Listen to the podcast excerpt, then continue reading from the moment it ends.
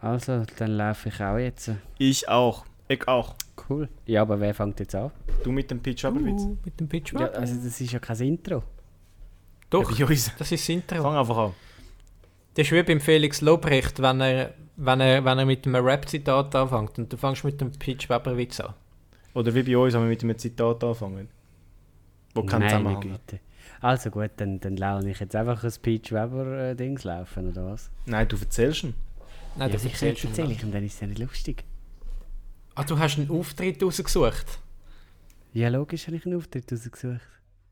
Also wir laufen jetzt schon eine Minute und wir haben noch keinen Content. Sollen wir wieder vorne anfangen? Bei Nein. mir laufen wir schon eine Minute.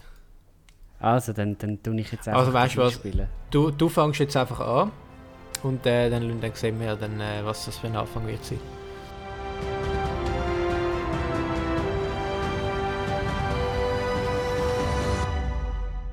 Habe ja zwei Kinder, 14 und 16. Ich weiss, es sind ein bisschen blöde Namen, aber meine Frau hat es so wollen. Meine nächste äh, Freundin muss eine junge Russin sein. Nein, Russinnen sind sowieso das Beste. Würde ich sagen, da ist wirklich Jackpot. Oder? Weil wenn sie dann älter werden und nicht mehr so schön sind, kannst du einfach den Deckel weglüpfen und darunter eine neue raus. Das war ein, ein Witz vom Peach Weber, beziehungsweise zwei Witze aneinander. Ähm, der erste, ein bisschen einfacher Humor, äh, ist einer von meinen Lieblingswitze von ihm. Und der zweite ist eben so ein, bisschen ein, ein clevererer Witz. Und äh, jetzt bin ich mal gespannt, ob ihr den überhaupt gecheckt habt. Also ich habe ihn gecheckt. Ja, gut, Muss ich da ganz äh, ehrlich Micha. sagen. Ich habe ihn auch gecheckt. Ah, erklär mal schnell. Also, ich muss äh, mich schnell rechtfertigen. Ich habe äh, schlechtes Inter Internet und darum nicht so ganz gehört. Aber ähm, das, das ist, äh, hat sich auf die Babuschka-Figuren bezogen, oder? Wo, wo man immer, ähm, wo dann neu zum Vorschein Richtig. Jawohl, sehr clever, Micha. Dann sehr habe ich ihn gut. trotz schlechtem Ja. Internet gecheckt. Den ersten habe ich besser gefunden, den mit dem Alter. Habe ich witziger Ja, ich gefunden. auch. Ja, ich auch. Aber es, es, es ist ja, die Vorgabe war ja eigentlich, gewesen, dass es so ein, bisschen ein, ein clevererer Humorwitz hätte sollen sein Und ähm, das wäre ja eben der, der zweite, ist ja eher so ein einer, der um zwei Ecken herumgedacht ist. Und nicht nur gaggebisi Humor. Äh, Für die, die nicht wissen, von wa- wa- was reden wir da überhaupt? Ähm, das ist äh, von, von der letzten Folge, müssen die halt eben schnell hören. Und euch, euch durchkämpfen, wie ich so schön sage? Der Nick hat eben seine Aufzüge gemacht. Einmal ausnahmsweise. Ja, richtig, ja. Es hat geheißen, ja, hallo, ich mache die immer. Äh, Micha hat mal gesagt, äh, redest du ein Intro? Ich habe ein Intro eingeredet. Äh, Micha hat gesagt, äh, suchst einen Peach Weber Humor raus. Ich äh, habe Witz gesagt, machst du eine eine gemacht. Aber wenn jetzt wir... Äh, Wenn ich, wenn ich sage, Nick springt, dann sagt, äh, dann, dann sagt der Nick ja, wie hoch. Das ist ja so. Ja, ähm, wir begrüßen euch damit ganz herzlich zu einer neuen Folge Limoncello. Und wie ich gerade merke, übernehme ich da gerade wieder äh, den Part vom äh, Touchmeister. Und das, Obwohl ich das obwohl in der ich, letzten heute Folge- der Touchmeister bin. Also Moment, chronologisch gesehen wäre ja ich wieder dran. Eigentlich schon, ja, nur wir haben überhaupt nichts abgemacht. Wenn das mal keine Schere, Ja, gut. Gemacht. Ich Genau. opfere mich jetzt. Ich nehme. Also, gut. Dann mach aber auch. Also, ähm, wir sind ja heute ähm, wieder mal ganz spät am Abend am Aufnehmen. Und ähm, ich finde, es ist eine super coole Idee, um gerade mit einer sehr guten Frage in die Folge reinzustarten. Und vorne hat mich der Jan beiseite genommen und hat mir gesagt, Micha, eine wirklich geile Genau, Frage. diesen Das ist- Spruch hast du schon mal gemacht. Irgendwo hast du ein Drehbuch, wo du dort all deine Linien raussuchst und einfach mal bringst. Wir sind da nicht bei den Quotenmännern. Ähm, Ich habe Touchmeister Drehbuch, ah, heute bringe ich den. Ja, du, ich kann schon mit einer von meinen Fragen da loslegen. Jetzt hast du total den Leid übernommen. Ich, ich sehe es schon. Du, äh, du kannst dich gar nicht mehr heben. Also komm, die äh, Rebellion von innen. Ui, ich merke, wie wir uns da alle äh, Fäden aus den Händen Das sind ziehen. Nachtkämpfe da. also, Jeder will nein. den robusten Part übernehmen. So, jetzt. Weißt du, dass ich eine Frage stelle, also stelle ich eine. Also Ja, Und gut. zwar, ähm, was inspiriert euch? Also gibt es irgendwie etwas, das euch inspiriert? Äh, es kann ein Lied sein, es kann eine äh, Filmszene sein, es kann auch etwas sein, das sich immer wieder ändert. Aber gibt es etwas in eurem Leben, das euch inspiriert oder zum Nachdenken anregt? Ähm, ich finde es eine gute Frage, muss ich sagen, Jan. Ähm, Ich Was beantworte sie sonst zuerst, weil ich habe gemerkt, Ja, ich bin immer der, der abwartet und da den anderen den Vortritt überlassen. Und ich finde, ich muss da ein bisschen mehr aus mir rauskommen. Ich muss euch da zeigen, wo der Hammer äh, sein Meister Klar, findet. Und, Du glaubst äh, ja auch, dass du heute der Touchmeister bist, dann äh, mach doch ruhig. Dann könnt ihr. ich, äh, ich lasse mich jetzt nicht die Illusion berauben, dass ich. Ähm, äh, ja. Gut. Ähm, äh, was war die Frage? Nein, Was dich in deinem Leben inspiriert. Ja, ich, ich weiss, die Frage das war ein Witz. Gewesen. Ja, dann Ähm, ist nicht gut gewesen. Bei mir gibt es bei mir gibt's mehrere Sachen. Zum Beispiel, jetzt gerade letzte Nacht hatte ich einen, einen, einen Albtraum. Gehabt. Also, ist jetzt nicht ein wahnsinnig schlimmer Traum, äh, gewesen, aber ist in die Richtung gegangen. Und es ist aber eine richtige Geschichte, habe ich irgendwie im Traum durchlebt. Und ich habe dann die, als ich aufgewacht bin, direkt ins Handy eingetöckelt, weil ich normalerweise im Verlauf des Tages meine Träume gerade wieder vergiss. Und aber irgendwie hat mich die Geschichte noch gepackt, die ich da geträumt habe. Ich weiß zwar nicht, ob es die schon gibt oder so, aber auf jeden Fall habe ich mir da mal Notizen ins Handy gemacht. Und äh, vielleicht kann ich die dann äh, irgendwie mal noch verarbeiten. Und zum Beispiel eben Träume ist jetzt das eine, was mich zum Beispiel inspiriert. Das andere ist zum Beispiel ähm, Filmmusik. Wenn, wenn ich irgendeine düstere Filmmusik höre zum Beispiel, dann habe ich automatisch irgendwelche Bilder im Kopf. Äh, nicht ganze Szenen, aber gewisse Bilder. Und ähm, aus denen konstruiere ich dann gerne irgendwie irgendeine Filmszene oder so. Mhm. Gut, ich äh, frage gerade mal den Nick als nächstes. Was inspiriert denn dich? Ähm, ja, es. Der Also, Touchmeister hat wieder zugeschlagen. The Empire Strikes Back. Im, Im Großen und Ganzen kann man glaube ich sagen, dass eigentlich alles irgendwie einem kann inspirieren und das ist bei mir eigentlich auch oft der Fall. Also es braucht gar nicht, also ich kann jetzt nicht spezifisch sagen, dass das mich inspiriert und das nicht. Es ist, Aus allem kann ich Inspiration rausziehen, aber am meisten ähm, gehe ich mit dir einig, ist es auch bei mir Filmmusik. Ähm, jetzt gerade natürlich für Film oder für Filmideen oder so. Ähm, und andere Menschen. Also wenn ich, äh, wenn ich irgendwo im Zug sitze und Leute beobachte oder wenn wir jetzt zu dritten oder, äh, oder so mit irgendjemandem unterwegs sind äh, und nachher Leute anschauen und dann Geschichten über die erfinden und so, das sind so andere Menschen, die einem auch sehr können inspirieren können, weil sie halt so sind, wie sie sind und man die dann halt beobachtet und, und das dann äh, gedanklich äh, weiterspinnt und so und so können dann Sachen entstehen. In gewissen äh, Comedy-Kurzfilmen, die wir schon produziert haben, ähm, haben wir uns auch schon sehr oft inspirieren lassen von gewissen Personen in unserer Umgebung. Unsere Filme entstehen eigentlich immer durch irgendwelche Leute, die wir äh, kennen. Genau, und der Anfangsteil, den du gesagt hast, ähm, mit dem «Alles inspiriert mich eigentlich aus dem Alltag», das hat noch gut getönt. Ähm, das sage ich auch noch. Ja, aber Gut, es ist, es ist ja ähm, in dem Fall auch wirklich so. Also, es ist ja auch bei mir jetzt der Fall, dass alles kann Inspiration sein. Ähm, bei mir ist es jetzt nicht spezifisch ein Lied oder so, das mich mega inspiriert, aber am Freitag kommt ja eigentlich immer eine Tonne neue Musik raus. Es ist, der Freitag ist so ein bisschen der Release-Day, wo neue Musik rauskommt und dann nutze ich eigentlich normalerweise amix den Abend, um mich ein bisschen durch die Musik durchzuhören. Was es so Ja, los ist die SRF Hitparade. hä? Die läuft dann ganz äh, heiß bei dir an im, im Wohnzimmer. Während Sag du den. Kater streichelst. Die SRF Hitparade läuft, seit sie den Nick Hartmann nicht mehr moderiert, nicht mehr. Oh, Ah, was? Und das ist schon ein paar Jahre Statement. Nein, äh, ich lasse sie einfach nicht mehr, weil es interessiert mich gar nicht. Ich kann quasi den Ort, wo ich meine Musik hernehme und was für Musik ich höre, habe ich gefunden. Ich brauche die Hitparade gar nicht. Aber es ist ja nochmal ein anderes Thema dann für nachher. Wo nimmst denn du deine, deine Musik her? Eben, Ah, von gut, ja, vom, vom Release-Day auf Spotify zum Beispiel. Klicke ich mich ein bisschen Spotify. durch, entweder durch das Album durch von jemandem, den ich kenne, äh, Mhm. von Alben, die dir empfohlen werden, oder eben, es gibt ja dann, du hast wie zwei Playlists, wo neue Musik rauskommt, in äh, ähm, New, Mus New Music Friday, wo einfach allgemein so ein bisschen, was alle Leute interessiert. Und dann hast du den Release Radar, wo quasi auf deinen Musikgeschmack, auf deinen Hörverlauf abgestimmte neue Musik überkommst. Quasi von Künstlern, die du oft gelost hast, neue Lieder, die auf deinen Musikgeschmack basieren. Und dort drin hast Also du ein eigentlich bisschen ein Algorithmus sagen. Genau, wie Spotify funktioniert. Und dann gibt es aber auch Listen, wo dir einfach Musik geben, zufälligerweise zum Neuentdecken.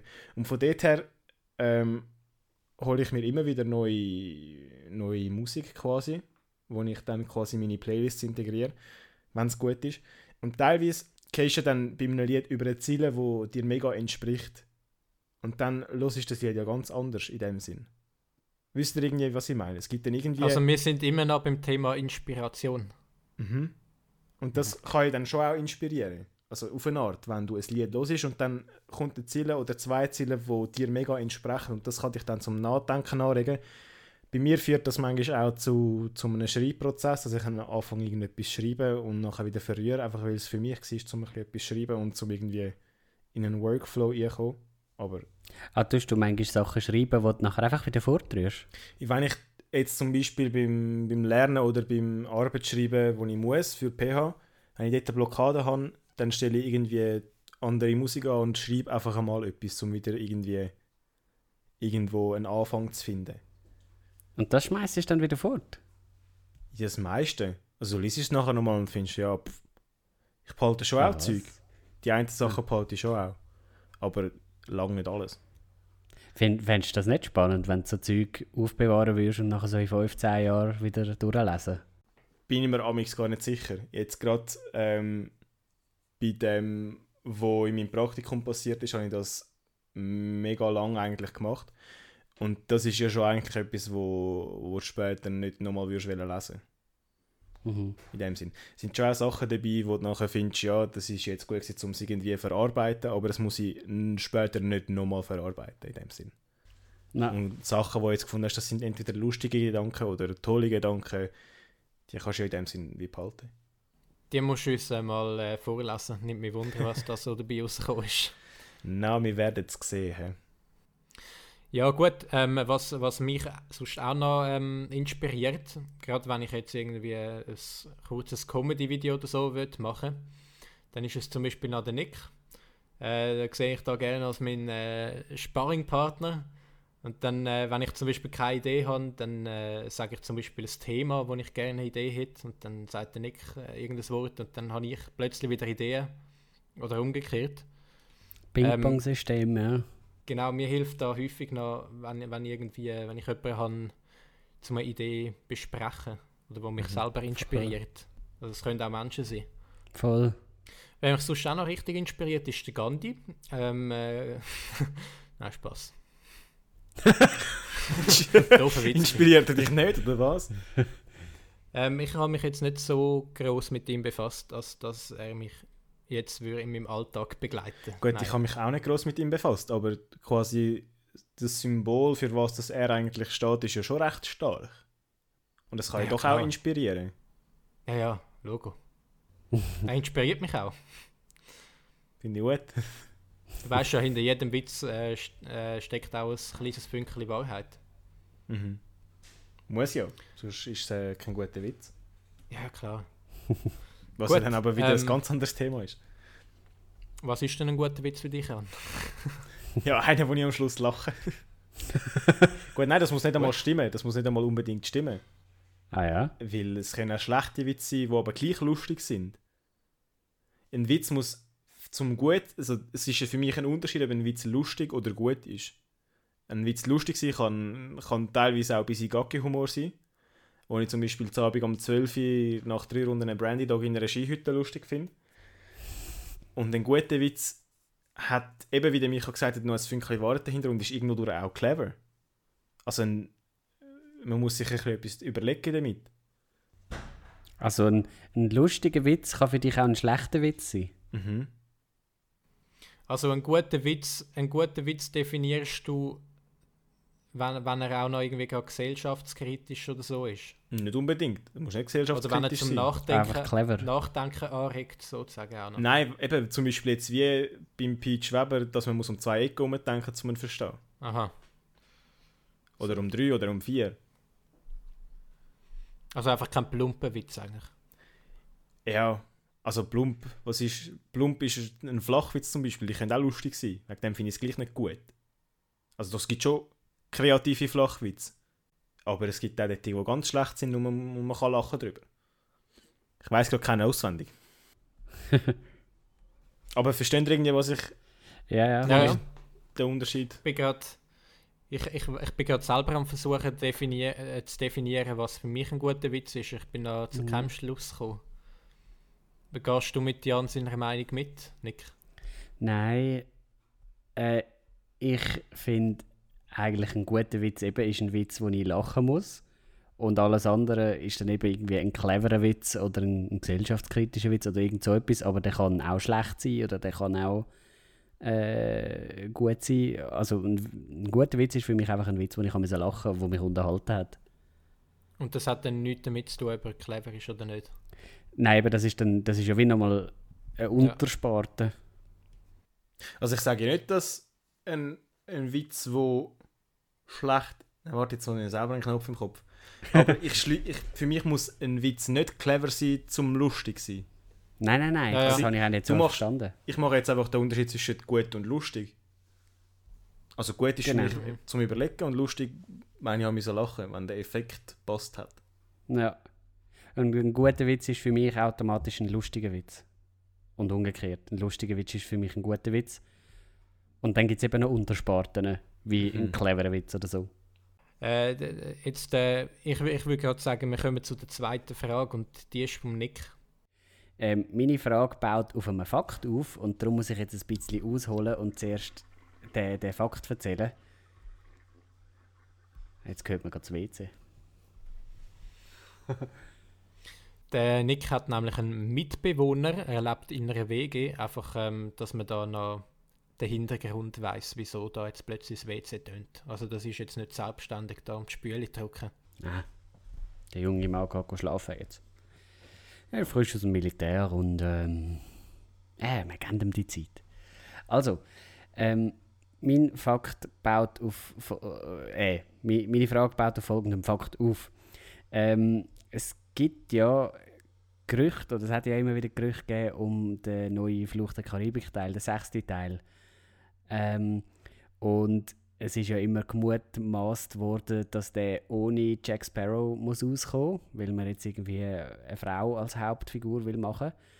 Und das ist jetzt ähm, wieder bestätigt worden von Jerry Bruckenheimer oder wie der heißt. Das ist der Produzent. Äh, der hat jetzt gesagt, es gäbe eine erste, erste Fassung vom Drehbuch und in der findet der Jack Sparrow noch gar nicht erst statt. Ähm, die Hauptperson soll, also die ist ja schon gecastet worden, das ist die, die bei äh, Jumanji auch mitgemacht hat. Irgendeine Gillen. G Carrie Gillen oder irgend so etwas. Karen Gillan. Ja, genau. Ähm, die, die sollte die neue Hauptperson sein und eben, ob der Jack überhaupt vorkommt, weiß man nicht und so. Und ich gehe bei so Sachen schon immer negativ dran an. Also ich, ich habe immer gerade schon das Gefühl, oh, es kann ja nicht gut werden. Und jetzt ähm, meine Frage, wie geht ihr mit so Sachen um? Denkt ihr, sind ihr offen und denkt amig so, ja, so Zeug kann ja gleich gut werden? Oder sind ihr eher äh, verschlossen und denkt dann so, oh nein, also das, das wird ja gar nicht. ähm, Jetzt gerade in dem Beispiel ohne Jack funktioniert es ja gar nicht und so. Also man muss ja sehen, wir sind ja so ein bisschen gross geworden mit diesen mit Filmen auch. Die haben wir quasi seit Jugend oder Kindheit schauen wir die. Und haben uns so ein bisschen auf den nächsten Teil auch gefreut. Und man muss schon sagen, dass der Jack Sparrow, also Johnny Depp, ein bisschen das Markenzeichen von, von Fluch der Karibik ist. Und dass er auch irgendwie seinen Platz soll drin haben ähm, Und dort finde ich es schon schade, wenn man es unter dem gleichen Namen laufen lässt, aber dass quasi das Markenzeichen gar nicht dabei ist. Gut, meine. Frage ist eigentlich mehr grösser gedacht. Weißt du, ob du allgemein offen an, an so Sachen angehst oder ob du gerade schon Äh, ich komme ja dazu. Vorurteile. Ah, Entschuldigung, das hätte ich nicht gewusst. Wieso hat Eben. mich dann der Touchmeister nicht unterbrochen? Weil er kein Ja, ich Touchmeister ich finde es eine spannende Diskussion. Ich finde ich find auch cool, wenn man sich da ein bisschen reinredet. Das äh, macht es lebendig. Eben, Ich, ich, ich schaue das von außen an und denke mir, kann, wow. ich jetzt, kann ich jetzt bitte weitermachen? Ja, ja, klar. Ich muss mich da Greif zu. durchsetzen, dass ich da zu meinen Minuten komme. Eben, wenn das so ein bisschen... Wenn kannst du Sachen- spulen. Hey, also hallo, können wir jetzt bitte für einmal ernst bleiben? Also ist gut. Gut. Dann gehst ja quasi schon mit Vorurteilen so ein etwas an. Wenn du jetzt so, klar kannst du nicht im Voraus sagen, ob es jetzt gut oder schlecht ist. ich, ich möchte den Film schon zuerst schauen, bevor ich mir eine Meinung darüber bilde.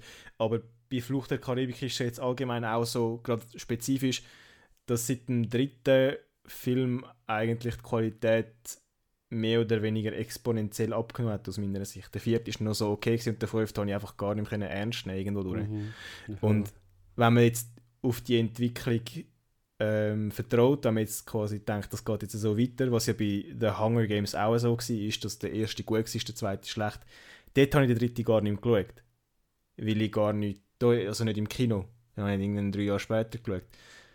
Ähm, und dann habe ich wie, ich, also ich schaue dann schon irgendwann, aber ich kann jetzt nicht sagen, dass ich als Flucht der Karibik-Fan dort ins Kino renne, um den zu sehen, ähm, weil ich doch auch eher negative Erwartungen habe. Beantwortet das seine Frage irgendwie? Äh, ja, aber das geht ja wieder immer noch eher einfach jetzt in Richtung auf das Beispiel bezogen. Aber ah, ich meine jetzt ganz allgemein. Ja, aber es ist ja auch allgemein so. Ich gebe schnell ein bisschen eine kürzere Antwort. also ich meine, ich habe nur ein Beispiel gemacht, um meinen Punkt... Also. Nein, ich, ich glaube, ich habe es verstanden, ja. Ich sage dazu, ich bin allgemein nicht so Fan von Fortsetzungen, weil es ist halt meistens einfach noch so richtige Geldmacherei. Vielleicht wiederhole ich jetzt nochmal genau Jan seinen Punkt. einfach nochmal in kürzer. Äh, wir werden jetzt sehen. Wieso hast du nicht zugelassen? Doch, doch. Nein, er ist eben Touchmeister, schaut das Ganze von außen ein bisschen an. Hat er ja, vorher ja. gesagt, hörst du nicht so? Ich bin, ich bin nicht so Fan von Fortsetzungen. Und darum bin ich immer schon ein bisschen kritisch gegenüber Fortsetzungen. Gerade auch, wenn es jetzt schon irgendwie der 400. Teil ist. Auch Fast and Furious, die werden ja auch immer schlechter und schlechter. Und darum gehe ich da schon immer ein bisschen kritisch dran an. Das heißt aber nicht, dass ich jetzt, wenn der Film gut wäre, das nicht würde anerkennen Aber jetzt im Voraus gehst du... Also ich gebe dem Film trotzdem die Chance. Ich, ich, ich schaue den Film trotzdem. Ich sage jetzt nicht nur, weil es eine Fortsetzung ist, schaue ich den Film nicht. Ich gebe ihm trotzdem die Chance, aber äh, schon mit einem negativen Gefühl, sage ich mal. Also du musst ja bei Fortsetzungen immer noch unterscheiden, ist es einfach eine Fortsetzung zum Geld machen oder ist es eine Fortsetzung, weil auch eine Fortsetzung geplant war? Ja, meistens also ist es halt schon zum Geld machen. Ja, aber gerade jetzt, ich als Fantasy-Verfechter da in der Runde muss jetzt schon, auch also bei Harry Potter zum Beispiel, gibt es halt sieben Bücher, da brauchst du halt sieben Teile. Bei Herr ja, der Ringe gibt es drei äh... Teile, da brauchst du drei Teile. Andererseits beim Hobbit hätte es nicht drei Teile gebraucht, weil das Buch ja, ist 200 das, Seiten lang. Ja. Das ist etwas anderes, wenn, wenn, wenn es zum Beispiel nach einer Buchreihe verfilmt wurde ist und dann sowieso mhm. viele Planungen sind. Aber jetzt gerade zum Beispiel Flucht der Karibik, also die Trilogie ist gut und nachher wird es einfach richtig grottig. Also der fünfte Teil, den kannst du ja in die Tonne schmeißen. Andererseits bei dem Marvel-Film ist es ja auch etwas, das nachher auf ein grösseres Ganzes hinzielt. Und da gibt es ja auch nicht wirklich eine Buchreihe, da gibt es halt Comics, aber sie schreiben halt Drehbücher immer noch relativ frei, habe ich das Gefühl. Gut, aber dort gehst du ja von etwas ganz anderem aus, die sind ja dann... Ja. Eben, eben. Also kann man eigentlich im Großen und Ganzen zusammenfassen, dass ihr auch eher dazu tendiert, schon mit gewissen negativen Erwartungen an so etwas anzugehen und nicht einfach ohne Erwartungen. Ja. Ich finde, man muss es immer von Beispiel zu Beispiel anschauen ich kann es jetzt nicht generell für alles sagen, aber jetzt gerade bei dem Beispiel spricht halt die Erfahrung für die Erwartung. Ja, voll. Ja, voll. Gut, hey Messi, das Absolut, äh, haben wir, haben wir deine, Frage. deine Frage damit dürfen beantworten. Ja, ich habe mir das so notiert. Super. Kannst du ja, nachher ins Tagebuch schreiben? Ja, er steht jetzt im Protokoll. Perfekt. Dann, Haben äh, ihr mal Tagebuch sagen, geschrieben? Früher? Ich bin ja. immer noch dran.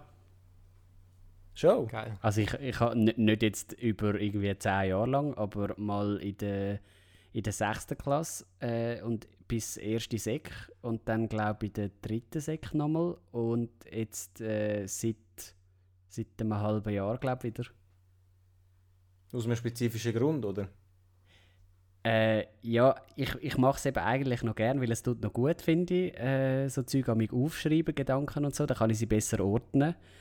Aber ich bin jemand, wo, wo das irgendwie nie richtig herbringt. Ich kann nicht jeden Tag sitzen und es machen, mhm. sondern ich mache es so alle drei, vier, fünf Tage und nachher lauert es sich meistens wieder aus. Und jetzt zum Beispiel ist es schon wieder etwa zwei Wochen her seit dem letzten Mal.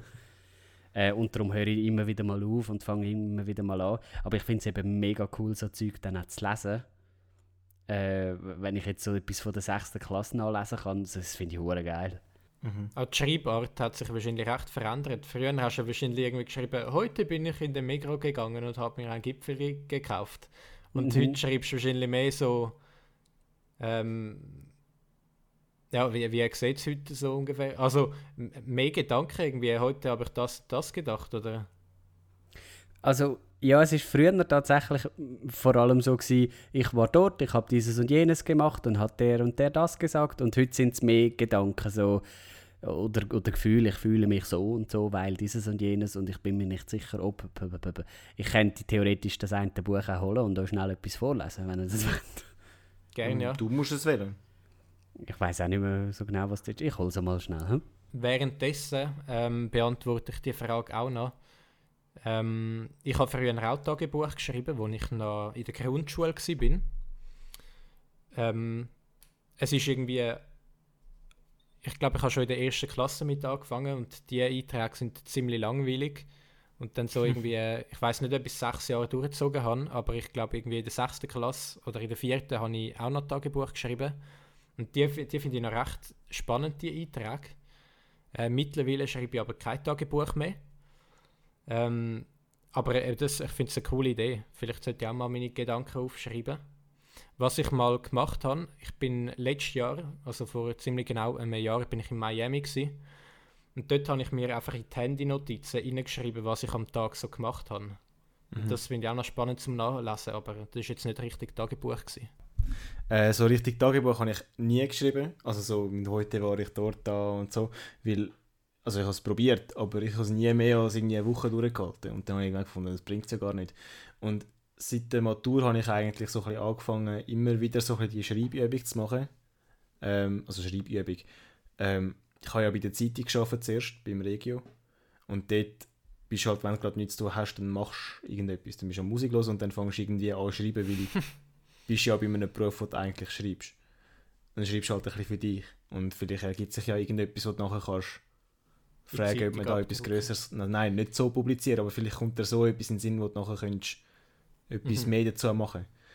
Und dann hat sich das als Übung so ein bisschen weitergezogen, halt mit dem Wissen, dass es unregelmäßig ist und dass es irgendwann verloren geht. Und teilweise habe ich das auch ähm, mündlich gemacht. Halt einfach mir eine, Sp eine Sprachnotiz gemacht und die ja. gespeichert und irgendwann von der Speicherplatz wird knapp, dann die wieder gelöscht. Ähm, und eben das finde ich, teilweise, find ich teilweise fast einfacher also du, ja. teilweise, wenn ich etwas aufschreibe, weiß ich nachher nicht mehr, was habe ich jetzt genau damit gemeint. Wenn ich aber ein Sprachmemo mhm. mache, dann, dann irgendwie äh, ist es viel klarer. Ja, also ich habe zum Beispiel in Frankreich habe ich es gemacht, auf Französisch logischerweise. Und nachher auch mal ab und zu wieder in Englisch, um ein bisschen ins Reden reinkommen, einfach so. Aber mhm. ich habe jetzt auch eigentlich, schon länger nicht gemacht. Ja. Der Podcast da ist ja eigentlich auch ganz grob gesehen ein Tagebuch. Also wir, wir besprechen da jetzt nicht, nicht, was wir jetzt heute gemacht haben und gestern oder so, aber es sind ja es sind aktuelle Gedanken und wenn, wenn man das irgendwie in zehn Jahren hört oder so, dann denken wir vielleicht, uiuiui. Ui, ui, das mal unseren Kind zeigen. Was haben wir da nur rausgelassen? Das zeigen niemals meine Kinder. Also je nachdem, kommt drauf an. Jetzt der Podcast bis jetzt schon. Im Moment ist ja, ja, es noch recht harmlos später, wenn es dann um ganz andere Sachen geht, dann äh, ist dann nicht mehr jugendfrei. Dann weiß ich, wo abbrechen. Also Nick, der Nick ist zurückgekommen mit seinem Tagebuch und hat schon geschmökert drin. Ja, genau. Ich habe nämlich etwas gesucht, wo möglichst äh, einer von euch oder ihr beide oder so vorkommt, äh, weil es dann irgendwie oh. ein bisschen lustiger ist. Und äh, einer von euch betrifft es jetzt. Wir schreiben da... Ah, jetzt hätte ich noch mal etwas gefunden. Nein, ich bringe es andere. Ähm, wir schreiben das Jahr 2014 und zwar der 31.12. Wer von euch betrifft das echt? Wisst ihr das? Der 31.12.14. Sind wir dort mit der DAC in Savonin? 2014? Ja, aber ähm, Micha, du hast recht, Dakota da, ist da dabei gewesen. Mhm. Und zwar sind wir ins Kino gegangen. Ich, ah ja. ich lese euch da mal schnell vor. Also, 31.12.14, das war ein Mittwoch. Gewesen. Der ganz schnell. Seit wann also 2014 ist ja schon steinalt. Seit wann führst du das? Also das ist noch ein altes Buch, das ich damals geführt habe. Das ist nicht das aktuelle. Aha. Ähm, heute war ich mit Micha, Dakota und einer Freundin von ihr im Kino. Es ist der letzte Tag dieses Jahres und wir mussten Kinogutscheine loswerden. Also waren wir im Kino. Das neben der Ikea. Danach aßen wir noch in der Ikea und sind dann zu Dakota nach Hause. Seit ein paar Tagen hatte es übrigens viel Schnee, weshalb ich auch keine kurzen Hosen anhatte. Die habe ich immer an, was deshalb etwas komisch war, sie nicht zu tragen. Nachdem wir bei Dakota Kekse wegaßen. Jetzt wird es dann lustig. oh Mann, was sind wir für Spasten gesehen? Ja, ging sie mit ihrer Freundin zu weiteren Freunden. Ich ging mit Micha noch zum Bahnhof, dann heim. Wir hatten für Silvester mal nichts geplant. Ja. Und nachher sind wir heimgegangen. ein dramatisches Stimmt, Das ist das traurigste, das traurigste Silvester ever. Ist das nicht spannend? Ja, aber finde ich noch witzig. Aber ich, ich habe genau gewusst, ähm, was noch passiert ist. Also zum Glück habe ich noch ein gutes Gedächtnis. Mhm. Ja, ja, mag ich mich auch noch erinnern. Das ist. Äh... Hast du gesagt, wir sind Tribute von Panem schauen, oder? Nein, ich habe es nicht einmal geschrieben, nein. Aha, da sind wir auf jeden Fall schauen. Mhm. Der dritte Teil ist ein mega scheiß Film. Habe ich vorher auch schon gesagt. Einfach, dass Genau. wir das noch... Wir haben, wir On haben record haben. ein, ein, wie, wie, heißt, wie heißt das in der Comedy, wenn man da nochmal Bezug nimmt auf einen alten Joke? Ein Running Gag. Ein, nein, ähm, Callback. Ja, voll. Ist Du ja eigentlich, Callback. Das ist jetzt wirklich eigentlich ein riesen Ja. Zufall, dass du gerade vorher gesagt hast, du hättest den Film geschaut, aber nicht im Kino, weil der zweite Teil schon scheiße gefunden hast und wir und ich jetzt genau das vorgelesen habe, dass wir ihn im Kino sind schauen. Ich habe gedacht, Zufall, wegen dem ich hast du die euch. Stelle vorgelesen. Nein, nicht einmal. Das ist mir, äh, das ist mir, wo ich es rausgesucht habe, noch gar nicht in den Sinn gekommen. Naja, auf jeden Fall das ein kleiner Einblick in meine damalige Gefühlswelt. Cool. Ich habe teilweise auch das Tagebuch ein bisschen verschlüsselt geschrieben. Also ich habe einen Namen zum Beispiel nicht richtig ausgeschrieben, einfach falls jemandem das Tagebuch in die Finger kommt. Ich war schon Oh. dort paranoid. Ja, äh, von dem hatte ich auch immer Angst früher, dass, dass irgendjemand in die Finger bekommt. Da habe ich es immer gut Schon? versteckt. Ja, weil irgendwie so, weißt du, wenn so ein Buch einfach rumliegt und du all deine Gedanken und so dort reingeschrieben hast, dann willst du ja, Ja, nicht das unbedingt, stimmt. dass das jetzt einfach irgendeiner nimmt. Und, und es, es liegt halt einfach rum. Also mein Gedankenjournal, so habe ich das genannt. äh, das ist Es bei klingt mir... wieder so lehrerhaft. Nein, ja. Geht das so? Das hängt bei mir da. Das ist die einzige Datei, die auf meinem Desktop rumhängt. Ah ja?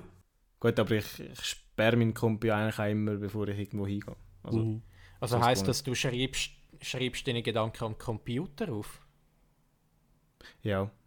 Ich kann einfacher schreiben am Kompi. Wenn es darum geht, irgendwie eine schnelle Notiz zu machen oder so, mache ich kein Word-Dokument auf und formatiere da schnell eine Stunde, bis ich Areal 17 habe. Dann mache ich mir schnell auf einen Fresszettel eine Notiz. Aber bei so etwas, wo ich später vielleicht nochmal lesen würde, dann schreibe ich es mir schon am Kompi auf. Weil vielleicht kann ich jetzt auch meine- auch vielleicht. Ja, vielleicht kann ich das in 10 Jahren meine Schrift gar nicht mehr lesen. Ja. Bei mir ist es irgendwie so, am Computer, wenn ich irgendwie eine Geschichte schreibe, dann, dann fällt mir das auch leichter am Computer, weil du kommst viel schneller in den Flow rein. Aber wenn ich jetzt so persönliche Gedanken würde aufschreiben, dann glaube ich viel lieber per Handschrift, weil irgendwie vom Blatt irgendwie die Finger so aufs Blatt ist viel einfacher, als wenn ich es irgendwie so digital müsste dann äh, übersetzen sozusagen. Aber gerade bei so, bei so Geschichten, die ich früher noch geschrieben habe, ähm, habe ich amigs zuerst einen Entwurf gemacht von Hand, so in Stichwörter. Weil so schreiben ist mir früher irgendwie einfacher gefallen, so fließtextmäßig. Ähm, und wenn es wie am Komp, ich habe nie gemerkt, wenn ich anfange am Kompi schreiben, dann hat es wie schon die, die, die, wie sagt man dem, der Endstadius. Es ist dann wie schon, es, hat, es wirkt viel definitiver wenn es vorhanden ist auf irgendeinem Zettel, wo gar nicht wichtig ist, dann hast du wie das Gefühl, es ist mal eine Idee. Und an der kann ich, während ich es quasi abschreibe, weil man schreibt es eigentlich nicht ab, aber irgendwie ja gleich, du sie ja nochmal verarbeiten. Aber wenn du jetzt gerade von Anfang an ins Buch hineinschreibst, in ein Buch, wo, wo so bleibt, Das kann ja nachher niemand lesen. ja und? Die streiche eine Sache durch und ich tu gümmeln. Mhm. Das ist mir schon ein paar Mal passiert. Also wenn ich mir eine schnelle Notiz mache, die ich in einer halben Stunde brauche, dann äh, sind das amigs Striche und Punkte. Aber das ist eine Notiz, die ich in einer halben Stunde brauche und nur ich muss daran erinnern, dass ich mir etwas aufgeschrieben habe und dann weiß ich amigs auch wieder, was ich mir aufgeschrieben habe, wenn ich weiß, wann ich mir das aufgeschrieben habe. Ja. Ist ein spannendes Thema. Ähm, habt ihr noch irgendetwas, was ihr zu dem Thema wollt anfügen wollt? Du fragst uns da wieder Sachen. Ja, Ich glaube, äh, das ist ein guter Abschluss zu dem, oder? Sonst ähm, stelle ich meine nächste Frage und da kann ich auch einen guten Übergang dazu machen. Und zwar, Oh ja, Also den Übergang hast du jetzt schon verkackt. stimmt. den mache ich jetzt erst. der, wo wir ja Tagebuch geschrieben haben, da sind wir ja, sind wir ja noch jünger gewesen und äh, haben uns weiterentwickelt. Jetzt ist meine Frage, wenn ich jetzt nochmal fünf Jahre würde zurückgeschmissen werden, einfach zum eurem fünf Jahre jüngeren Ich einen Tipp zu geben, was würdet ihr euch selber mit auf den Weg geben? Dann, dann würde zum Beispiel im Tagebuch-Eintrag von 2015 würde entstehen, äh, liebes Tagebuch, heute bin mein, ist, ist mein fünf Jahre älteres Ich gekommen und hat mir folgenden Tipp gegeben.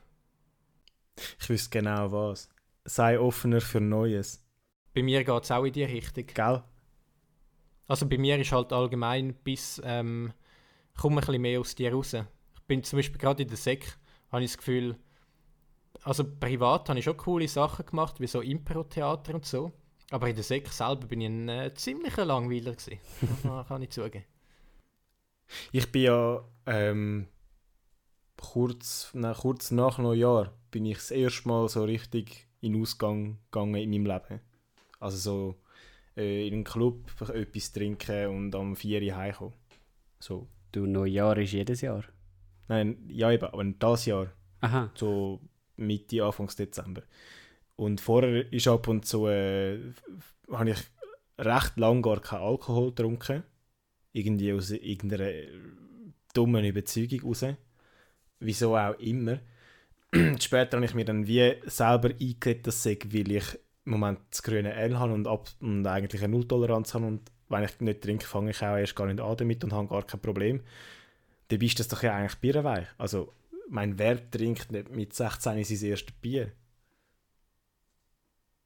Ich? Also ich habe auch ein, an meinem 16. Geburt, äh, Geburtstag oder ein paar Tage nachher mein erstes Bier gehabt, aber das ist ein Schluck und nachher hast du es nicht gern und nachher trinkst du es auch nie mehr. Weil, also länger nicht mehr, weil du es gar nicht gern hast. Du kommst wie gar nicht auf die Idee, nochmal zu probieren. Und so der Tipp, sei offener für Neues. Probiert haben wir ja wahrscheinlich alle schon vor- voran, oder nicht? Ich nicht. Bist du jetzt äh, nicht mehr dieser Überzeugung? Welcher Überzeugung? Mit äh, nicht in den Ausgang und so Zeugs? Weil, weil ich dich gar nie so, den, den, den Jahr gar nie kennengelernt habe. Ähm, nein, also ich bin ja früher recht abgeneigt dem gegenüber, Mhm. weil ich wie kein Verständnis hatte dafür, dass man das macht. Ähm, aber eben offen sein für Neues, etwas ausprobieren mit, mit Leuten, die man gut kennt und dann mal schauen, ob man Spass hat und nachher wirklich etwas können dazu sagen weil ich bin vorher wirklich nie im Ausgang und habe einfach gesagt, ja, Ausgang, hm, was wollte ich mit dem? Sind ja alle besoffen, läuft nur dumme, laute Musik. Aber jetzt, ähm, die, also ich habe das Gefühl, vor einem Jahr hat das ja noch anders stöhnt. Hat es jetzt irgendwie einen gewissen Punkt gegeben, wo irgendwie, ich will jetzt nicht sagen, was Klick gemacht hat, aber äh, wo, wo, du irgendwie, äh, wo du irgendwie da einen Sinneswandel äh, gehabt hast? Oder äh, hat sich das jetzt langsam so über die letzte Zeit geändert? Ja, es ist halt, ähm, ist halt schon Oder ist es durch den Abend, wo du mal mitgekommen bist, hast du gemerkt, ah, so scheiße Nein, es hat schon nicht? früher angefangen, so mit, mit ein bisschen und so. Ähm, in Frankreich zum Beispiel sind wir ab und zu schon auch in eine Bar gegangen, aber dort habe ich auch nie gross Alkohol getrunken. Ich meine, dort habe ich dann ein, ein alkoholfreies Bier bestellt oder so, einfach aus meiner dummen Überzeugung raus. Und dann Mhm. hat eigentlich jemand gefunden, ja, alkoholfreies Bier und Bier ohne Bier, äh, Bier mit Alkohol schmeckt ja eigentlich gleich. Nur hat es halt Alkohol drin. Und der schmeckt ja eigentlich gar nicht groß.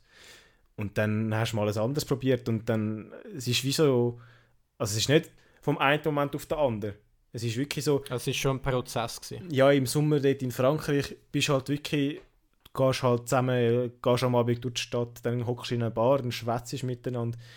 Die eine trinkt ein Bier, dann bestellen die anderen auch. Aber es ist jetzt nicht so, dass dort äh, jemand 10 Bier bestellt und nachher voll besoffen heimgeht. Es ist so, dass man, jeder nimmt ein Bier und man kann sich im Rahmen halten. Und Also, du hast, du hast dort eigentlich dann vorgeführt bekommen, dass, wenn man Alkohol trinkt, das nicht automatisch heißt, dass man Koma süffer wird. nein, also, das habe ich ja wie schon vorher gewusst, aber ich habe auch wie gefunden, Mhm. es ist ja nicht an sich schlecht, ein Bier zu trinken. Man wird von einem Bier nicht besoffen. Und es ist Mhm. einfach eine gemütliche Runde mit Kollegen, auch wenn es ein alkoholfreies ist am Anfang, um deiner dummen Überzeugung noch ein bisschen gerecht zu werden. Deiner inneren Monika. Nein, ich setze einmal. Äh, und nachher hat sich das so ein bisschen schleichend weitergezogen und dann lernst du irgendwo in deinem Leben neue Leute kennen und probierst Neues aus und es kommt zu anderem Zeug. Das finde ich sowieso noch ein, ein geiler Tipp, ähm, eben immer offen sein für, für neue Sachen. Also Mhm. trotzdem nichts machen, wo, wo jetzt gegen irgendwie Prinzipien äh, verstoßen oder so, aber äh, trotzdem immer offen sein. Man muss aber auch sagen, der Jan ist heute ziemlich Alkoholiker. der ist ein richtiger Ja, Alkoholiker. ich muss gerade sagen, ich habe Nein. jetzt um Nacht gerade ein Bier gehabt. aber es war ein doofer Witz, gewesen, der, der Jan hat es im Griff. Ich habe mein Leben im Griff, Ähm, ich sag's euch. Genau. Äh, Nick, du hast, du hast äh, mit dem Kopf genickt, gehabt, wo wir, wo wir unsere Tipps als fünf Jahre jüngere Ich gegeben haben. Siehst du das in dem Fall ein bisschen ähnlich? Ja, ähm, ich glaube, wenn ich mir würde einen Tipp geben wäre das auch das, äh, offener sein für uns, weil, weil ich halt wirklich auch sehr verklemmt war früher und, und mich nicht viel getraut habe und so.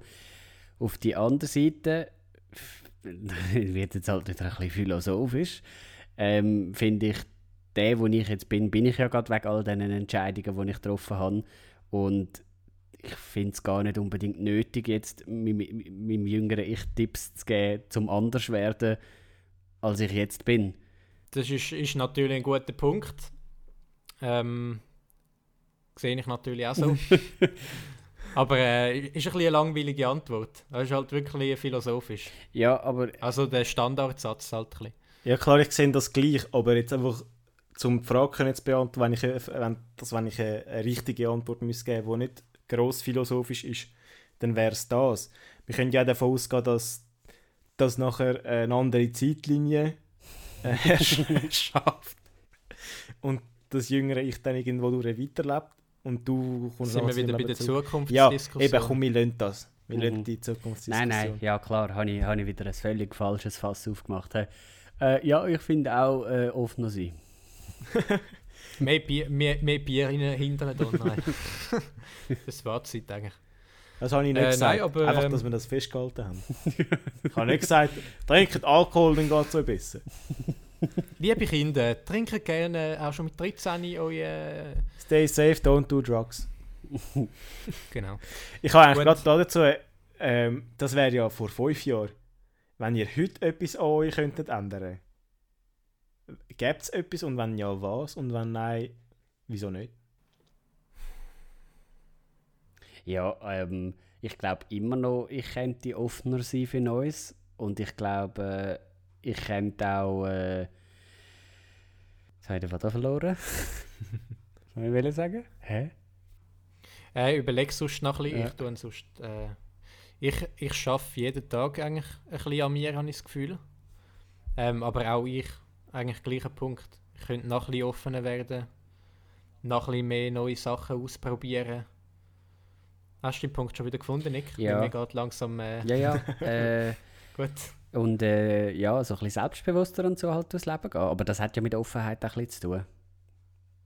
Dass man nicht, nicht, nicht immer so ein bisschen die gleichen Sachen immer macht und sich dort drinnen dann wohlfühlt, sondern auch mal so ein bisschen Grenzen ausprobieren, mal ein bisschen andere Sachen ausprobieren, ein bisschen dort schauen, was, was bietet das Leben dort noch und so. Ja, gar nicht mit.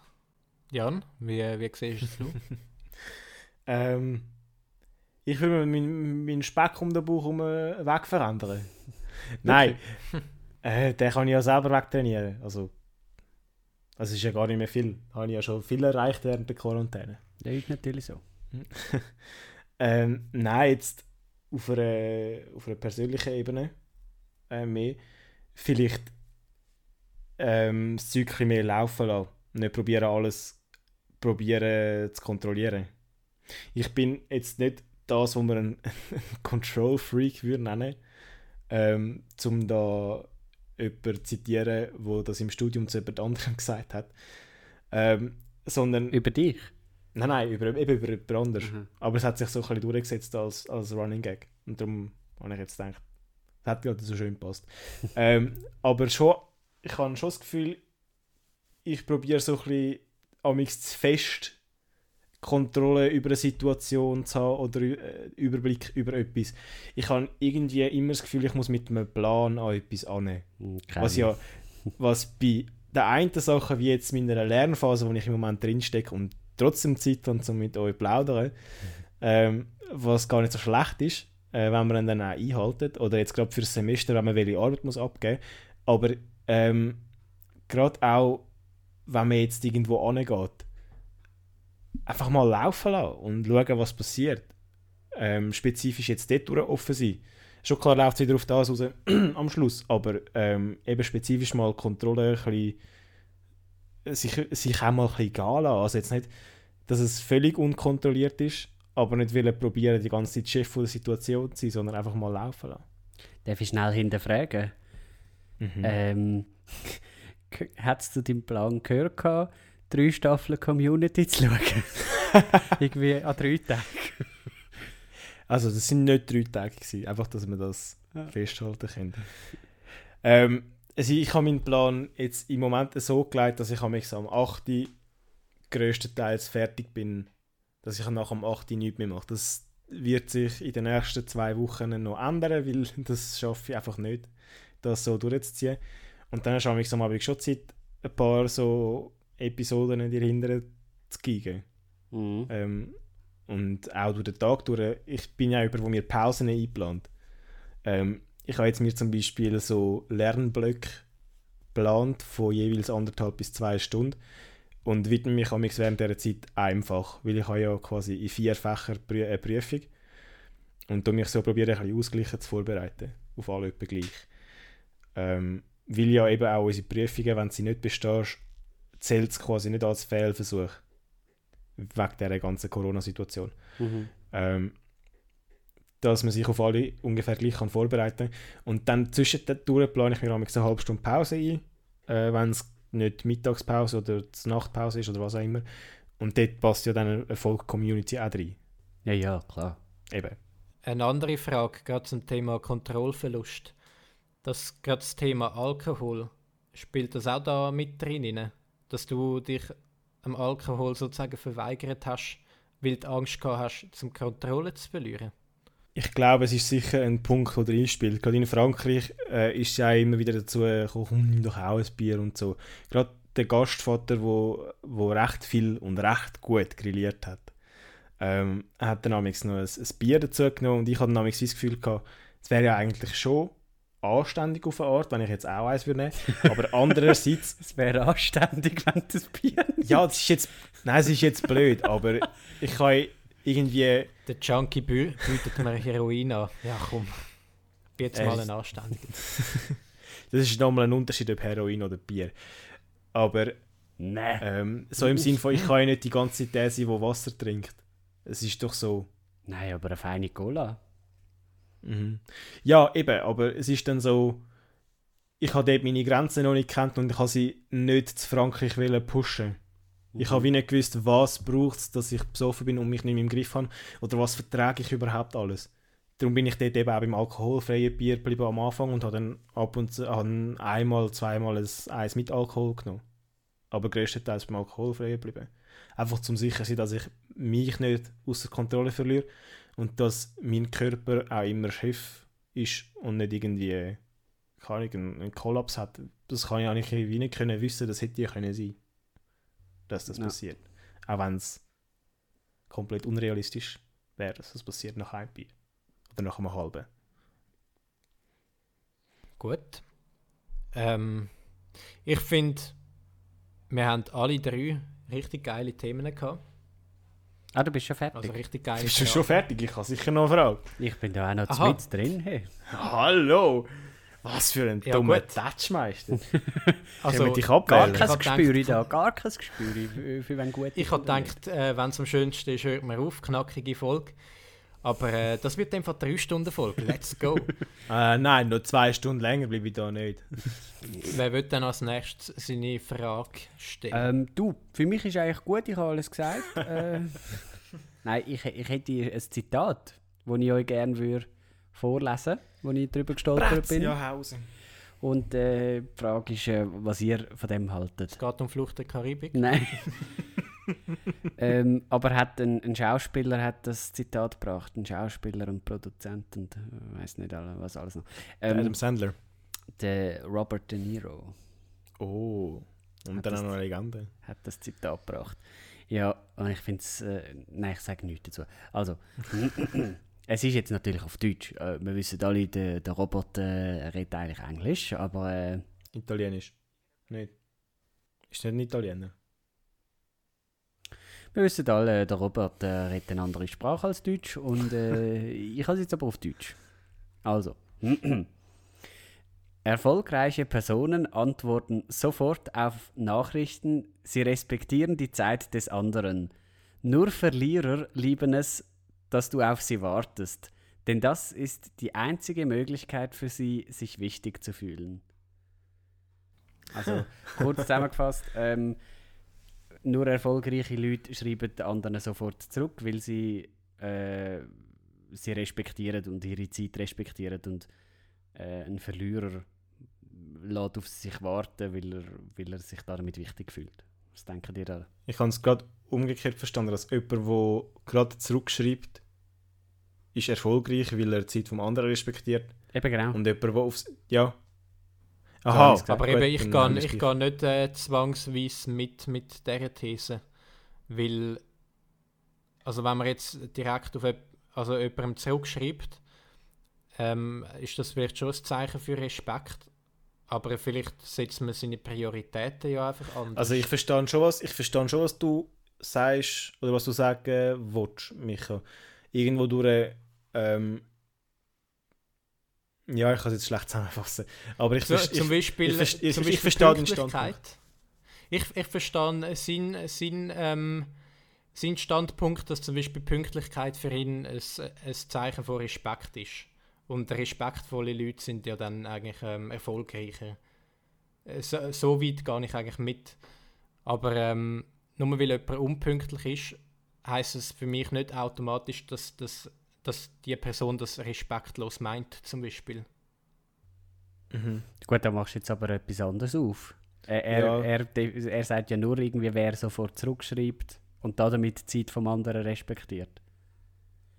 Ja, ich, ich finde aber, ähm, äh, man, man kann auch auf sich selber achten. Also man muss nicht immer gerade immer den Hampelmann für jeden spielen und äh, sofort jedem zurückschreiben, sondern wenn ich zum Beispiel jemandem schreibe und die Person schreibt mir nicht gerade direkt zurück, dann denke ich ja nicht, oh, die, die Person, der bin ich nicht wichtig, darum schreibt sie mir nicht gerade sofort Mhm. zurück. Es gibt ja Leute, die so denken, aber ich denke überhaupt nicht so. Und ich glaube, der Robert De Niro ist in dem Fall einer, der so denkt. Aber ich denke Es gibt ja auch halt Leute, die wo ja. die Nachricht wie nicht gerade sehen. Also, wenn du zu- zum Beispiel das Handy abstellst oder gar nicht aufs Handy schaust während der Requisite, kannst du ja gar nicht direkt zurückschreiben. Mhm. Ähm, dort hat es halt schon ein Schlupfloch in dem Sinn, dass es halt nicht stimmt. Aber wenn ich amix sehe, dass mir jemand geschrieben hat und eine wichtige Person ist für mich, jemand, der mir wichtig ist, dann schreibe ich entweder gerade zurück oder ich schreibe, ich habe es gesehen, ich schreibe das später zurück, ich habe jetzt gerade keine Zeit, dass sie weiß, ich habe es gesehen. Quasi. Wenn es wirklich so Leute gibt, wo, wo finden, ich habe ihm jetzt etwas Wichtiges geschrieben und er ist, ich bin ja jemand, der normalerweise sehr schnell Antwort gibt. Äh, ich bin eigentlich sehr gut erreichbar in dem Sinn. Und dann könnte es ja schon sein, dass Leute sich denken, hm, wenn er jetzt drei Stunden zurückschreibt, ist echt alles okay oder so. Also es, es das muss nicht bei jedem ja- so es- sein, aber es kann ja wie sein, dass dann, wenn jetzt gerade eine Person sieht, dass du gerade online bist auf WhatsApp zum Beispiel und du ihr nicht zurückschreibst, bis du wieder offline gehst, Es gibt ja die Leute. Ähm, mhm. Dass sie sich dann vernachlässigt fühlen oder fühlen, hey, nimmt er mich überhaupt ernst? Und dann bei der einen, das habe ich von einer Kollegin übernommen, die das quasi mit ihrem Freund etabliert hat, wenn die Nachrichten voneinander sehen und sich nicht direkt zurückschreiben, schicken sie sich an mich äh, Sprechblasen-Emoji. Und das habe ich eigentlich von dort übernommen, dass wenn ich etwas gesehen habe, aber gerade keine Zeit habe oder, oder gerade keine Möglichkeit habe, zum gross zurückschreiben, weil es so eine ausführliche Antwort wäre, ähm, schreibe ich entweder kurz oder schicke das Zeichen. Ich finde, das hängt aber auch ein bisschen ganz schnell, das hängt aber auch ein bisschen von der, von der Nachricht ab. Also wenn ja, mir klar. irgendwie ein Meme schickt oder so, dann schreibe ich nicht, ja, ich schaue später an, schreibt er gerade zurück. Wenn jetzt aber jemand einen mega persönlichen Text würde schreiben zum Beispiel, und man dann gerade nicht Zeit hat, aber schon gesehen hat zum Beispiel, mhm. dann verstehe ich jetzt das, ja. Was hast du sagen, Nick? Äh, ja, also ich bin ja jetzt eher einer, der schlecht erreichbar ist, so im, im Großen und Ganzen. Und, äh, oder, oder einfach eher schlecht. Äh, und ich finde, als ich das Zitat gelesen habe, ich bin da äh, eigentlich komplett gegenteiliger Meinung. Es, ja, also, es nimmt doch irgendwie ein Stück Lebensqualität raus, wenn du immer erreichbar willst sein oder erreichbar bist. Klar, für, für andere ist es an und für sich noch praktisch, wenn du immer gerade erreichbar bist. Aber für dich ist es ja grausam mühsam, wenn du ständig musst irgendwie deine E-Mails checken, ständig irgendwie aufs Handy schauen. Hat auch jemand geschrieben, muss ich gerade sofort zurückschreiben? Das hat doch nichts zu tun mit... Äh, äh, also du, du kannst ja andere Leute gleich auch wertschätzen, indem du dich selber und deine Zeit auch wertschätzt und dir die Zeit auch nimmst, jetzt halt mal vielleicht, ich weiß doch nicht, drei, vier, fünf Stunden nicht zurückzuschreiben, weil durch das durch tust du dich ja, das etabliert sich ja irgendwann auch. Wer weiß, okay, das ist einer, der vielleicht nicht gerade nach einer Minute zurückschreibt, sondern nach drei Stunden, der respektiert dich ja genau so. Ähm, und du ihn ja auch. Das hat doch überhaupt nichts mit dem zu tun. Ja, also es kommt, halt, es kommt irgendwo wirklich darauf an, was, wie du das Ganze handhabst. Ich bin jetzt jemand, wo, wo noch gern erreichbar ist und auch gerne andere Leute erreicht, in dem Sinn. Wenn ich es aber brauche, dass ich einen Moment lang nicht erreichbar bin, dann stelle ich das Handy ab. Weil wenn ich weiß, es hat mir jemand geschrieben und warte quasi darauf, dass ich zurückschreibe, dann lässt es mich an mich gar nicht in Ruhe. Dann denke ich ja quasi immer dran. Und wenn ich das quasi will verhindern, dann stelle ich entweder einfach das Internet auf dem Handy ab, dass ich gar nichts empfange, oder ich stelle das ganz ab und lege es weg, dass ich gar nicht erst auf die Idee komme, zum zu schauen, ob jemand schreibt. Aber mit dem ähm, kommst du ja dann gerade wieder in das Sinne, äh, du bist eigentlich immer erreichbar und nachher bist du es mal nicht und dann findet das die Leute komisch. Weil jetzt, jetzt plötzlich bist du mal nicht erreichbar und nachher hinterfragen sie ja erst die Leute. Ich schreibe ja auch nicht immer zurück. Das ist ja wie auch so ein bisschen das, was der Micha gesagt hat. Ich schreibe dann zurück, wenn es wichtig ist oder wenn es um etwas geht.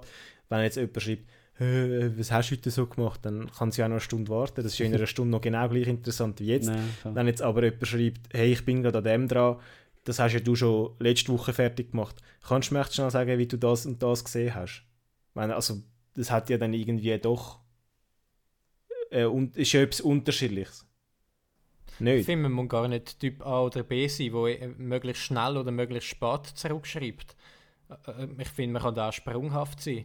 Ich muss mir ja, klar, nicht zum Beispiel das Image aufbauen von einem, der mega selten zurückschreibt, nur dass der nicht dumm überkommt, wenn ich jemandem zu, äh, zu lange nicht zurückschreibe. Nein, aber du bist ja dann eher jemand, der später zurückschreibt oder eher jemand, der äh, immer zurückschreibt.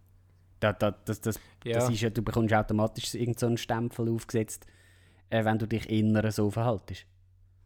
Ja, eben, und andere Leute, die bilden sich ja dann irgendwie äh, vielleicht irgendeine Geschichte, ja. irgendwie, oh, ist, ist mir jetzt die Nachricht nicht wichtig, äh, ist ihm die jetzt nicht wichtig oder so. Aber ich finde, ähm, was die andere Person da sich für eine Geschichte baut, das ist mir eigentlich scheißegal. Also, Gut, scheißegal ist mir nicht. Ich habe mal, ich hab mal eine Woche sprunghaft, also ich, ich habe ja mal eine Woche fast nie antworten, also mega selten und dann eine Woche mega schnell, immer nonstop. Mhm. Also ich finde, man muss da nicht. Äh, ja, ich bin, ich bin eigentlich größtenteils einverstanden. Ähm, bei mir ist es eben, wie ich vorher schon gesagt habe, wenn ich sehe, dass mir jemand geschrieben hat und es ist eher etwas Wichtiges, dann ist es so etwas, wo, wo eher im Kopf bleibt. Wenn du weißt, die andere Person beschäftigt gerade irgendetwas, dann ähm, sie zu wissen zu lassen, dass du, dass du das gelesen hast, was sie geschrieben hat und eben das Zeichen schickst und ihr quasi so äh, einen Grund gibst, um sich zu beruhigen oder sich keine Geschichte auszumalen, ähm, ist für mich dann auch irgendwie beruhigend, weil ich mich einen Moment lang dann nicht um das kümmern muss, sondern zuerst das kann fertig machen, wo ich gerade dran bin, mit gutem Gewissen. Wenn ich aber sehe, sie schreibt und das Handy nachher wieder weglegt, dann beschäftigt es mich und dann kann ich mich nicht mehr richtig konzentrieren. Mhm. Und darum eben mache ich das mit dem Antwort, ich schreibe dir nachher schnell zurück, ich habe es gesehen. Oder ich stelle das Handy einfach ab und komme gar, gar nicht erst Nachrichten über, die mich könnten irgendwie beunruhigen. Aber es ist auch nicht so, dass ich 100 Nachrichten am Tag bekomme, wo ich das mache. Das habe ich bis jetzt zweimal oder dreimal gemacht, dass ich äh, schreibe, ja, ich schaue es mir nachher schnell an, ich schreibe dann nachher zurück. Ja. Ja gut, vi- vielleicht, man weiß es ja nicht, meint er auch ganz allgemein irgendwie so höhere Geschäftsmänner und dort ist es vielleicht nochmal ganz anders. Ich weiß nicht, wieso ich geht, aber ich habe jetzt noch nie eine Firma geleitet. Es kann auch sein, dass der das gar nicht gesagt hat und irgendein Klatschmagazin das einfach erfunden hat. Das könnte mir auch vorstellen. Voll, das kann natürlich auch sein. Irgendein reisserischer Titel. Robert De Niro erreicht man immer auf WhatsApp. Hier ist seine Nummer. Er schreibt sofort zurück. Eben, gerade wollte sagen, mal schauen, ob er dann gerade zurückschreibt. Jan, du hast ja noch etwas gehabt, gell, oder? Du hast auch noch Ja, und eine es passt- geile Frage es- gehabt. es passt auch so ein bisschen das Thema von Schreiben und Zurückschreiben so ein bisschen rein. Ähm, und zwar ist es etwas, wo wir vor ein paar Wochen schon ein bisschen besprochen haben und so, wo, wo dort mal ein bisschen mehr Thema war. Wie steht ihr zu Tinder? So ganz allgemein. Oder so Online-Dating-Plattformen. Ähm, weil ich muss vielleicht ganz schnell den Kontext dazu sagen. Ähm, ich habe mich zwei Wochen nach, nach dem Shutdown habe ich mir Tinder installiert, zum Ja, der beste Moment gewählt. ja, natürlich. ähm, um mir ein paar Schreibkontakte äh, zu finden. Ähm, hat es ein paar lustige Geschichten gegeben, ähm, wo wir äh, gut, den guten Moment, einen guten Austausch darüber hatten. Und dann habe ich es mir eine Woche oder zwei später wieder gelöscht, weil es einfach nicht das gebracht hat, was ich mir gedacht habe, bringt es. Ähm, und ich weiß, dass ihr quasi an, an verschiedenen Polen steht und, und fände jetzt die Diskussion noch, noch interessant. Soll ich so schnell anfangen? Ja, unbedingt, Micha. Oder, äh, ähm, also ich finde es grundsätzlich finde ich es eine coole Sache, weil du kannst so eigentlich Leute kennenlernen, die du vielleicht sonst nicht kennenlernst, weil teilweise bist du ja gerade in, in einer Lebenssituation vielleicht, wo du nicht ständig äh, neue Leute kennenlernst und für, und für gerade so Lebenssituationen ist es eine gute Sache.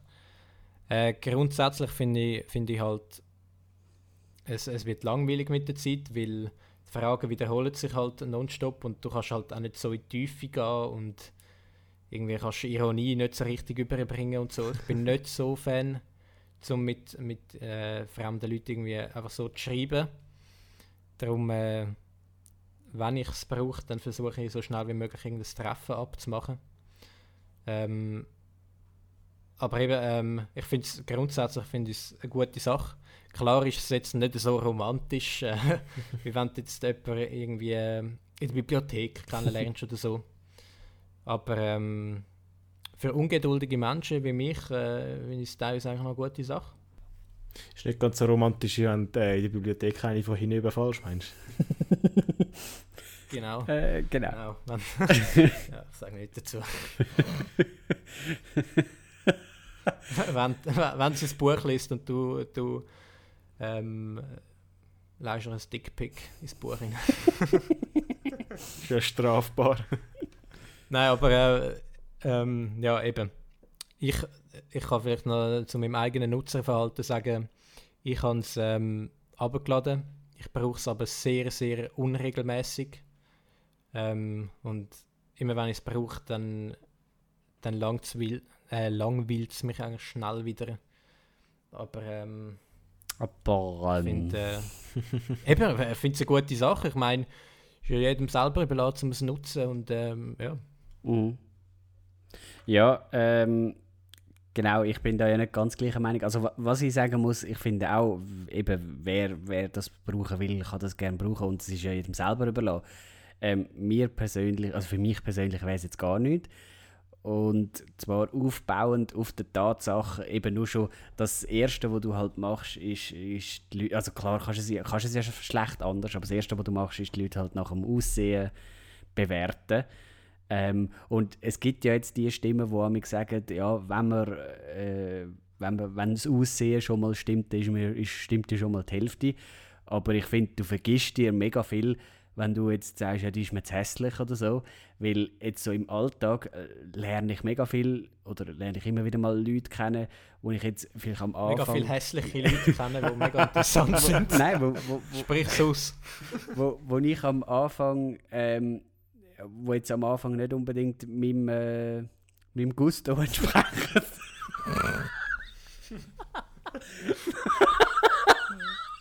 Du, re du redest wie sonst noch nie.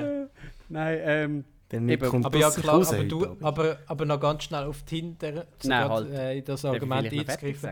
Dort, dort, dort, Lass ihn machst zuerst fertig so- argumentieren, Micha. Gut, also. Opening Ähm, Statement. Genau, wo bin ich? Gewesen? Eben, de, ich, ich kenne viele Leute, wo, wo ich kennengelernt habe und damals nicht, nicht unbedingt als attraktiv empfunden habe. Aber je mehr ich eine Person kennengelernt habe, desto attraktiver empfinde ich sie. Weil ich halt, das hat ja viel auch mit dem Charakter zu tun. Ähm, wenn du jemanden sympathisch findest, findest du ihn automatisch auch attraktiver. Und du vergisst dir ja mega viel, wenn du, äh, wenn du einfach alle, mal, alle, die du hässlich findest, einfach mal aussortierst und, und denen gar keine Chance lässt, sozusagen. Aber eben, wie, wie willst du es auch anders machen mit so einer App? Darum, für mich wäre es jetzt persönlich nichts, aber ich kann es verstehen, wenn man das will machen, weil so eben lernst schnell mal Leute kennen. Ähm, zum da vielleicht ganz schnell das, ähm, dagegen zu argumentieren. ähm, oh, nein, nicht dagegen argumentieren, um dir noch einen kleinen Input zu geben. Ähm, die Leute, die du auf Tinder kennenlernst, die lernst du ja zusätzlich kennen. Also die interessanten Leute, die du im echten Leben sozusagen auch kennenlernst, die lernst du ja trotzdem kennen. Also du lernst ja dadurch nicht weniger Leute kennen. Aber du tust den Schwerpunkt ja irgendwie anders setzen. Du setzt, Ja, ja, du setzt den Schwerpunkt ja dann eher auf, ich will jetzt dort jemanden darüber kennenlernen und bist dann vielleicht im Alltag weniger aufmerksam. Weil du, weil du dir das ja mit dem Ja. irgendwie wirklich verbaust. Ja, ich schreibe heute schon mit, mit sieben Leuten gleichzeitig, äh, wieso soll ich denn jetzt da noch irgendwie die ansprechen oder so? Ähm, das kann gut sein, dass das bei vielen der Fall ist, bei mir jetzt persönlich nicht.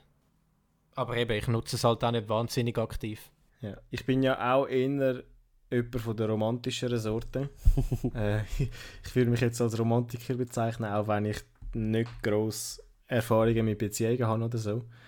Ähm, und darum habe ich wie, bin ich gar nicht erst mit dem Gedanken an, an die ganze Tinder-Sache, ähm, dort irgendwie jemanden kennenzulernen, wo ich länger möchte, irgendwie gross Kontakt haben. Aber dann ist es doch Ähm. sowieso für Katzen nicht. Ja, eben, das hat sich dann mit der Zeit herausgestellt, äh, dass es ja eh für nichts ist. Das hätte ich doch Es ist- können sagen Ja, ich habe es selber gemerkt und das ist schon fast wertvoll. Ja, voll. Es ist einfach mal gut, es ist mal interessant zum Ausprobieren und es haben sich teilweise noch so halb interessante Gespräche ergeben, so zwei oder drei. Aber was soll's, naja. Ähm, aber ich setze jetzt auch eher darauf, jemanden im echten Leben quasi jemanden, äh, kennenzulernen. Ähm, was jetzt meiner Erwartung von, von einer Beziehung eher entspricht, als ähm, man matcht zufälligerweise Mhm. Und äh, zufälligerweise schreibt man sich dann zurück und zufälligerweise trifft man sich dann und dann ergibt sich etwas Halbpatziges daraus, vielleicht. So habe ich amix die Vorstellung von Tinder, man trifft sich ein, zweimal und dann ist das gewesen. Ähm, Ich glaube, das ist recht unterschiedlich, das kannst du nicht so allgemein sagen. nein, logisch nicht, aber ähm, darum habe ich das gar nicht groß in Betracht, in Betracht gezogen und einfach mal schauen, was der Reiz an dieser ganzen Geschichte ist. Und es hat sich dann herausgestellt, für, für das, was ich es äh, brauche, ist es gar nicht. Nein, umgekehrt. das, äh, ja, ihr wisst, was ich meine. Nein, wir lassen dich jetzt schwimmen.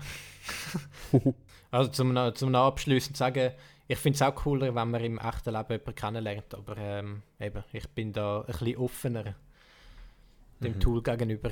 Äh, Micha, wolltest du gerade noch schnell deine Nummer äh, sagen? Vielleicht gibt es ein paar Zuhörerinnen, die denken, hey, der ist mir sympathisch. Wir, sind- wir sind ja nicht beim Losbuben-Podcast, der dermaßen notgeil ist, dass die das aber schreiben uns auf Insta an.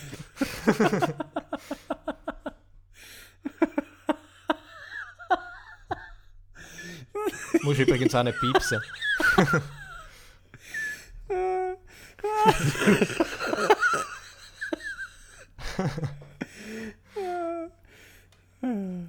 Gut, ähm, Willst du noch so, dem Fall, Michael, äh, willst du noch mal schnell fertig erläutern, was das für ein Podcast ist?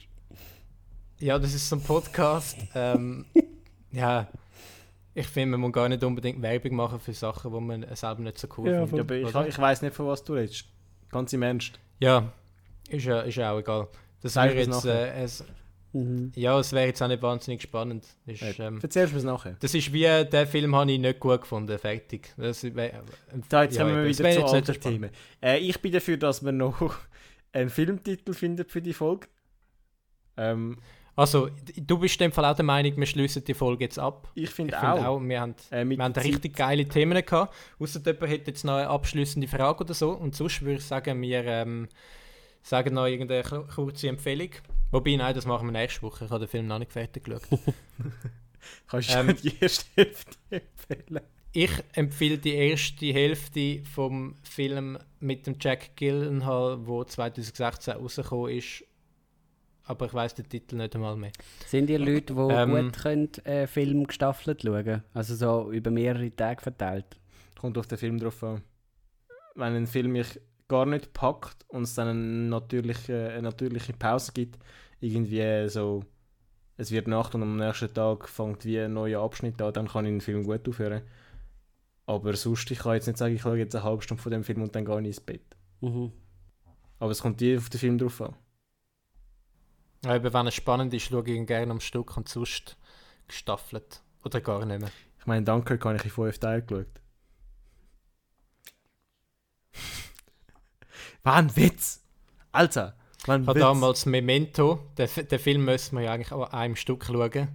Den habe ich in etwa sieben Teilen im Bus geschaut. damals. Ui, nein. der denkbar schlechteste Film, wo man so etwas könnte machen So Sachen verstehe ich gar nicht. Also ich, ich bin eh jemand, wo, wo halt eigentlich am liebsten einen Film im Kino schaut, weil er dort keine Ablenkung hat. Aber äh, die zweite Option ist dann eigentlich äh, die auf einem grossen Fernseher möglichst am Stück und äh, nur Serien, klar, Serien sind ja auch nicht für das gemacht, Serien dann halt nicht am Stück schauen.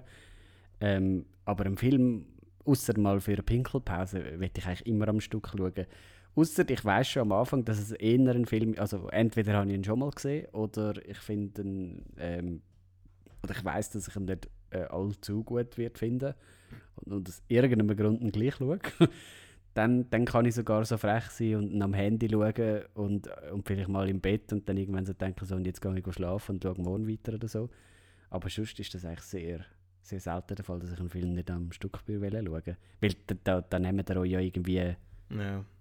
den, Der den Wert vom Film weg. Also das, was der Regisseur sich Erlebniswert. gedacht hat. Ja. Da unterstrichst du eigentlich nochmal meinen Punkt von meinem Tinder-Erlebnis. Ich habe gewusst, dass nichts groß wird, dabei wird rauskommen und es hat es probiert. Wieso eigentlich? Touché. Touché. Touché. Cool. Ähm, in dem Fall würde ich sagen, brauchen wir noch einen Filmtitel, mit dem wir unsere Folge da benennen und dann äh, können wir auch schon Schluss machen, oder? Mhm. Mhm. Ich weiß gar nicht, über was wir alles geredet haben.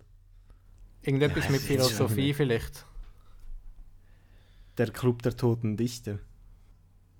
Ja, geil. Gibt es den Film? Ist das in dem ein Fall? Film? Nein, habe ich nicht gesehen. Ja, Ah, gesehen. meine ich überhaupt den? Warte schon. Einen Moment. Meinst du Club der Roten Bänder? Nein. Nein, ich meine Dead Poets Society, aber ich weiß nicht, ob der auf Deutsch eben Club der Toten Dichter heißt. Tigerenten Club. Doch, der, Clu der Club der Toten Dichter ist ein, ein Hammerfilm.